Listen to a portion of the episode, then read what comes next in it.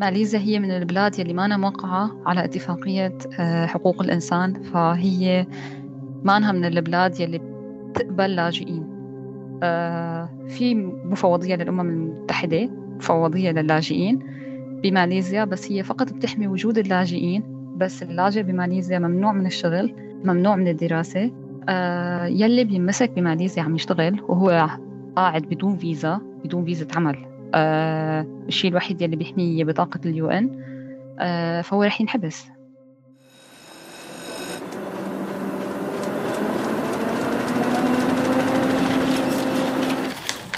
عنب بلدي بودكاست.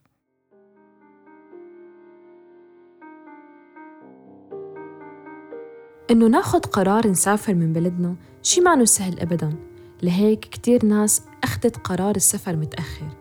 وكانت أغلب البلاد اللي بتعطي فيز للسوريين اللي هن أصلا مو كتار بطلت تعطي فيز وصارت خيارات الناس محدودة أكتر لهيك ضيفتي بهالحلقة ريما هي وعائلتها لقوا صعوبة باختيار المكان اللي بدهم يسافروا عليه وما لقوا خيار غير ماليزيا بهالحلقة رح تحكي لنا ريما عن الحياة بماليزيا وهل هي جنة مثل ما نحن منفكر؟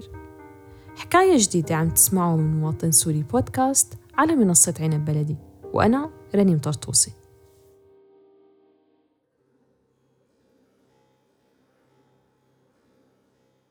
أنا كنت موجودة بسوريا لحد 2015 كنت صامدة ما عندي أي فكرة إني أطلع من سوريا. لحد ما صارت الأحداث كتير تسوء منطقتي كانت محاصرة لأكثر من سنة. بعدها آه، صرت أحس إنه لأ صارت الهجرة خليني أقول أو إنه إني غادر البلد صارت ضرورة. ما عاد شيء حتى يعني صار شيء كتير ضروري لحافظ مو بس على حالي على سلامة أهلي. وبهذا الوقت آه، صار تفجير بمنطقة المزرعة. آه، كان تفجير كبير.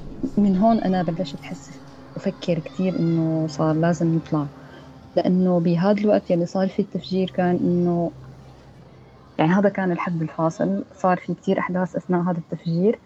بدون ذكر تفاصيل فأنا بوقتها كان كنت معرضة لخطر محتم هيك يعني وسبحان الله الله نجاني وقتها. فصرت أفكر بطريقة جنونية إنه خلص بدنا نطلع. كانت الخطة بالنسبة لعائلتي إنه نطلع لتركيا. آه، حتى أنا في عندي أخ شاب آه، كان بعثناه على تركيا وسبقنا لهنيك. كان المفروض إنه كلياتنا نلحقه. بهذا الوقت انفرضت الفيزا التركية وما عاد فينا نطلع. صار إجباري بدنا نقدم على الفيزا وصار بوقتها كان الحصول عليها شبه مستحيل. كانت خطتنا مثل كل هالناس نطلع على تركيا بعدين نكمل على أوروبا. وقت يلي عرفنا حاولنا نسأل بمكاتب الطيران كلياتها يلي كانت هي بالشام كيف فينا نطلع؟ آه كله كان يقلنا إنه كتير صعب. آه استنوا لبداية السنة استنينا لبداية السنة لحد ما إجا شهر أربعة. وقتها إنه خلص صار لازم نطلع. كان في أحد أصدقاء والدي موجود بماليزيا. حكى له إنه ماليزيا بلد كتير منيح وخلص اطلعوا لسوريا لماليزيا كان اتخاذ القرار كتير سريع. أه بحثنا بشكل حتى كان كتير سريع إنه بهذاك الوقت إحنا كنا ما بنعرف أصلا شو ماليزيا كيف طبيعة أهلها شو هي البلد الناس كيف بيحكوا شو ديانتهم أه شو ثقافتهم ما بنعرف شيء فعملنا هيك بحث سريع عرفنا إنه في كتير اختلاف بين سوق بين ماليزيا وبين البلاد العربية بشكل عام مو بس سوريا. أه بس كانت هي البلد الوحيد يلي بيقدر يمنحنا فيزا مجانيه يعني إحنا بدنا نقدر نحمل حالنا نحجز تكتات الطيران ونطلع لهنيك بدون ما نكون معنا فيزا. كانت أوضاع أخيرا تركيا أه كثير سيئة. ف سبحان الله تيسرت وهو راح على ماليزيا سبقنا بكم يوم. أه حتى القرار وقت اتخذناه حاولنا إنه نلاقي حجوزات آه، خلال أسبوع لقينا الحجوزات وخلص أخذنا أغراضنا ومشينا.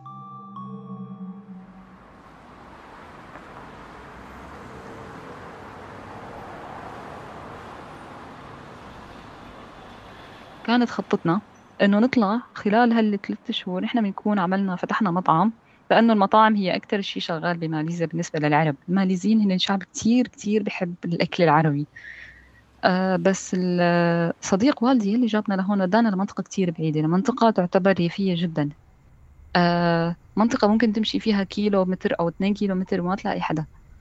فبصراحة مشروع المطعم فشل ونحن اضطرينا بوقتها إنه نلاقي طريقة تضمن بقاء طالما المشروع فشل فصار من المستحيل إنه نقدر نقدم على فيزا فيزا عمل. ما في معنا مجال لازم نلاقي طريقة تضمن بقائنا تحمينا ونقدر نبقى فيها بهذا البلد. فكان الحل الوحيد هو إنه نقدم على آه، بطاقات المفوضية للأمم المتحدة اليو إن. ماليزيا هي من البلاد يلي مانا موقعة على اتفاقية آه، حقوق الإنسان. فهي مانها من البلاد يلي بتقبل لاجئين. آه، في مفوضية للأمم المتحدة مفوضية للاجئين بماليزيا بس هي فقط بتحمي وجود اللاجئين بس اللاجئ بماليزيا ممنوع من الشغل. ممنوع من الدراسة. آه يلي بيمسك بماليزيا عم يشتغل وهو قاعد بدون فيزا بدون فيزا عمل. آه الشيء الوحيد يلي بيحميه بطاقة اليو إن. آه فهو رح ينحبس. وهذا الوجه الأسود لماليزيا اللي كتير ناس ما بتعرفه. هن هيك عندهم القانون. اللاجئ بماليزيا ممنوع من الدراسة ممنوع من الشغل. إذا خالف هدول الشغلتين فهو رح ينحبس. فما كان في معنا مجال تاني غير إنه نحن نقدم عليها. بعدين في منظمات تانية. بدون ذكر أسماء كانت عم بتحاول تعمل شيء مشان السوريين لحتى يقدروا يشتغلوا.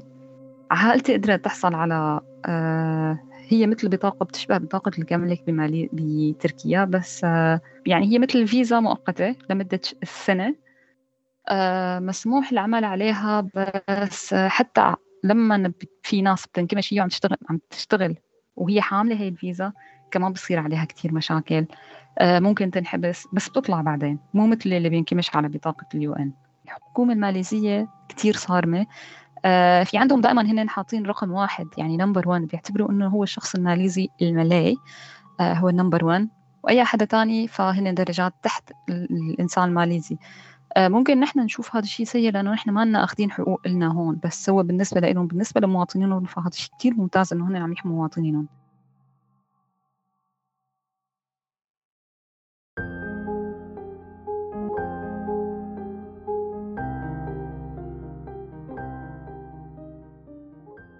بسبب أنه ريما وعائلتها استقروا بمكان ريفي بماليزيا عانت ريما من فترة بيمروا فيها أغلب المهاجرين اللي هي الكآبة وندرة التواصل مع العالم. بس لما انتقلت على العاصمة تغيرت حياتها بشكل كلي وبلشت شوي شوي تتأقلم مع الثقافة الماليزية.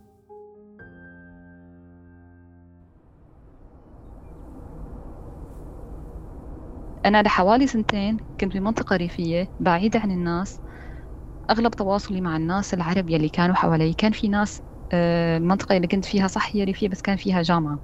بهي الجامعة كان في عرب ما رح أقول سوريين كان قليل يعني تقريبا عيلة أو عيلتين سوريين آه، بس في عرب كتير يلي هن طلاب عائلات طلاب. فكان كل تواصلي هو بس مع عرب وأنا ما بعرف شيء أبدا عن الماليزيين. لحد ما بعد سنتين آه، انتقلت على العاصمة كوالالمبور.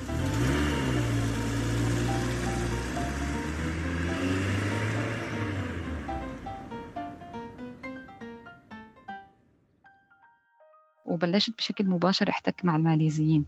اللي الماليزيين بماليزيا اللغة الرسمية هي المالاي آه اللغة الثانية هي اللغة الإنجليزية. بس الشيء الحلو إنه الماليزيين بشكل عام هن الناس كتير بسيطين. ما متعصبين كتير. يعني مثلا بسمع يعني بتركيا كتير متعصبين للغتهم. حتى لو الشخص بيحكي إنجليزي ما بيحكي إنجليزي إذا قعدتي تحكي معه آه إنجليزي بحاول إنه بس يستخدم لغته. آه بس الماليزيين هن أبسط من هيك بكتير. أغلب الشعب متعلم وكل المتعلمين بيحكوا إنجليزي. فأنت أول ما تحتي تحكي معاه يعني حتى آه إذا جيتي تحكي معاه يعني أول ما يشوفك يحكي معك بلغة الملاي آه بيقوم بيشوف إنه أنت ما عم تفهمي عليه. فحتى إنهم بيعتذروا منك إنه هن يستخدموا معك لغة أنت ما بتفهميها بيستخدموا معك اللغة الإنجليزية. إلا في قسم كتير بسيط هو اللي ما متعلم الناس البسيطة الكبار بالعمر كتير ممكن يلي ما بيعرفوا يحكوا إلا الملاي ف حتى هدول الناس بيحاولوا يورجوكي بإشارات معينة يحاولوا يفهموك إنه لأ أنا عم بحكي شيء آه، يحاولوا يوصلوا لك الفكرة تبعهم. فهذا شيء كتير حلو منهم. بعد ما بلشت أقرب من الماليزيين اكتشفت إنه في فجوة ثقافية كبيرة كتير كتير أو ضخمة بين مجتمعاتنا نحن آه، يعني هلأ نحن كلياتنا نعتبر قارة واحدة آه، قارة آسيا. كنت بتخيل إني أنا رح أجي لهون رح لاقي بعض الاختلافات بس بالنهاية نحن بقارة واحدة. بس لقيت الاختلاف بين السماء والأرض أصلا ماليزيا هي أبعد من الصين. نحن عنا بسوريا بنقول في عنا مثل لما بدنا نحكي إنه على نقول اطلب العلم ولو في الصين على أساس إنه الصين هي أبعد مكان بس ماليزيا هي حتى أبعد من الصين. فشفت إنه بكل شيء تقريبا بكل شيء بكل شيء مختلف. آه مع الوقت بعد ما انتقلت على العاصمة صرت أحتك مع الناس. يعني هدلين كانوا الناس فيني أقول يلي بيهتموا كتير متشددين. آه متشبسين كتير بثقافتهم القديمة وعم يرجعوا. مثل لما نحن عنا فينا نقول الشام القديمة آه باب الحارة هدول الناس اللي هيك. فهدول هيك كانوا. وسبحان الله يعني كانت أول تجربة لي مع الماليزيين هيك. بس لما إجيت على المدينة لقيت إنه لا أهل المدينة هن متحضرين أكثر ما عندهم لهي الدرجة. يعني ما بيروحوا بيعملوا العرس بالغابة ما بيعملوه بالكوخ. آه بس بنفس الوقت الأكل الماليزي هو نفسه نفسه. يعني مثلا في عندهم فواكه أنا تقريبا صار لي ست سنين بماليزيا. في كتير فواكه آه سورية بفتقدها هون. آه في فواكه هون شفتها ما كنت شوفها إلا بالصور وإذا حدا حكى لي عنها ورجاني صورتها ما صدق إنها موجودة.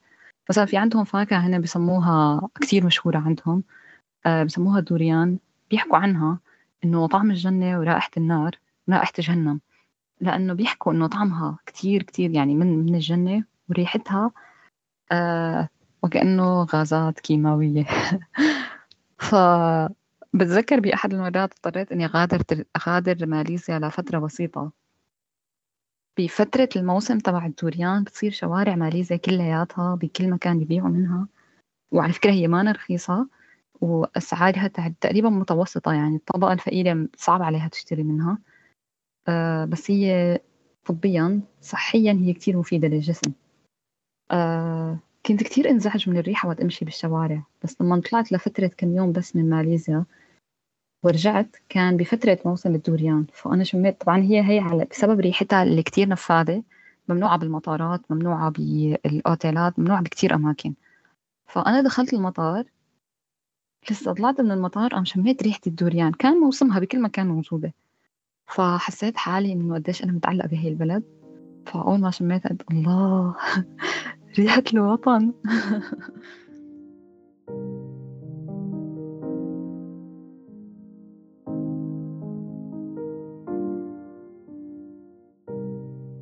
على الرغم من كل الإيجابيات اللي ذكرتها ريما بالنسبة لماليزيا بس بتقول إنه كل بلد له جانب مظلم.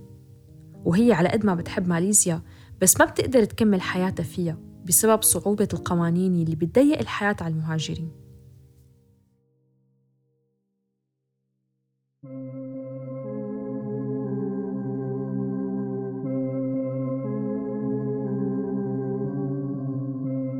شباب كتير بيجوا لهون طمعانين بإنه آه أنا رح أجي على هذا المكان بشتغل بقدم لجوء وممكن يتم إعادة توطيني بعد فترة. آه بس هذا الشيء ما بصير. في ناس صار لها حوالي أكثر من عشر سنين وما تم إعادة توطينها. الشغل ممنوع.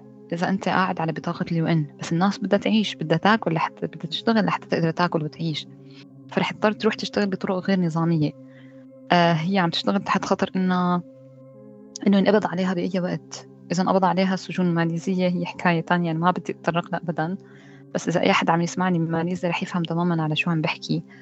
آه أجارات أجارات العمال يلي عم تشتغل كتير متدنية وبأغلب الأحيان عم يضطر الشاب العربي يشتغل أكثر من 12 ل 14 ساعة براتب دوبه يعيشه وإذا شاب لحاله يعني ما بيقدر ياخذ بيت لحاله لازم يتقاسم المكان اللي عايش فيه مع حدا تاني ليقدر يسد مصروفه آه هذا ليش؟ مو لأنه الماليزيين يعني ما بعرف أقول الماليزيين ولا العرب بس أغلب هاي القصص مع الأسف تطلع إنه واحد عربي ما ما معه لغة ما معه شيء ما بيقدر يحكي إنجليزي بيروح يشتغل عند صاحب مطعم عربي. آه يا أما بياكل عليه نص راتبه يا أما بشغله هيك بيمسك عليه جوازه. آه بيعمل كتير مشاكل معاهم. والشباب العرب يعني هن يلي جايين لهون هن هربانين من وضع معين هربانين من آه كثير قصص ممكن تكون سببت إنه هن يجوا لهون. هن ما إجوا أكيد بإرادتهم هن ما تركوا أهلهم إجوا بإرادتهم. وهن عرفانين إنه هون مو أوروبا ما في حدا رح يقدم لك أي شيء. وبالعكس ما حدا رح يمد لك إيده. كل الناس رح توقف بوشك وأنت مضطر تحارب كل شيء. آه مع هيك مع الأسف إنه يلي شفته هون خليني أقول آه من أهل بلاد الشام ما رح أقول يمنيين لأن الشيء اللي شفته إنه اليمنيين كلهم بيوقفوا مع بعض بس ضد باقي العرب. آه نحن كأهل بلاد الشام فلسطين سوريا الأردن هاي البلاد آه، الشاطر فينا يلي بياكل الثاني مع الأسف هذا الشيء موجود هون بماليزيا. إذا بتدخلي على الفيسبوك بتكتبي على أي group من groupات العرب بماليزيا آه، بتلاقي إذا بس بتحاولي تتصفحي بتلاقي مثلا شاب جاي عم يكتب إنه كيف الوضع بماليزيا؟ لشاب عربي بده يجي لحاله. بتلاقي الكل عم بيهاجموا عم بيهاجموا هجوم يعني حتى مو ما عاد حتى بنظام نصيحة.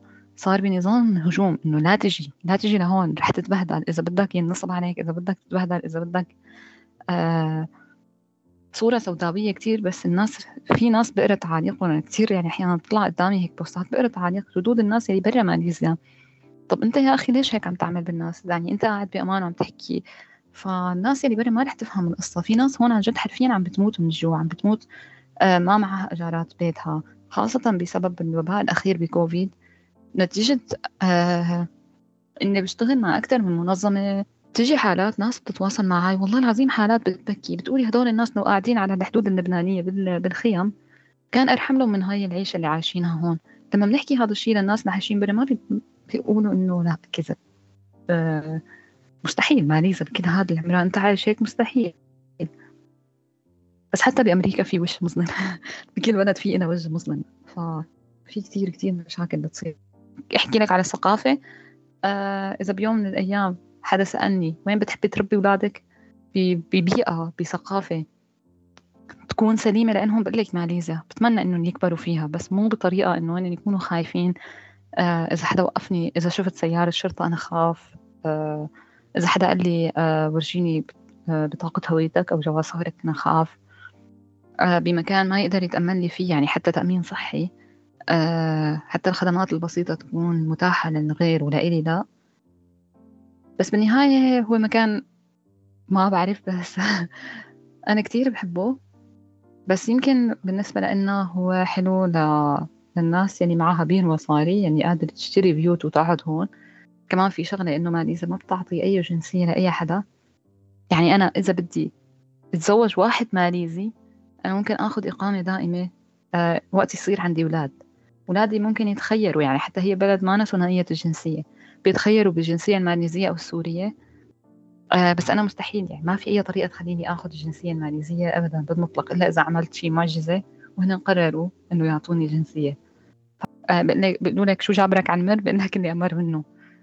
بحس إنه صعب علي أترك هذا البلد بس أنا لازم أتركه.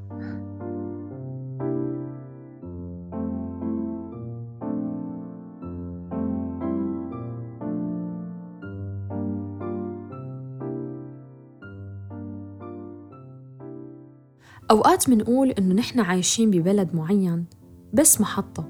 محطة عبور لنقدر نروح على مكان أفضل. بس كم سنة ممكن الإنسان يقضي بهي المحطة؟ ما حدا بيقدر يعرف. وريما حلمها إنه تعيش بمكان آمن يضمن لها حقوقها ويكون معها ورق مثل مثل كل الناس. وتقدر تتعلم وتشتغل بطريقة نظامية. كنت معكم رنيم طرطوسي بمواطن سوري من عنب بلدي بودكاست.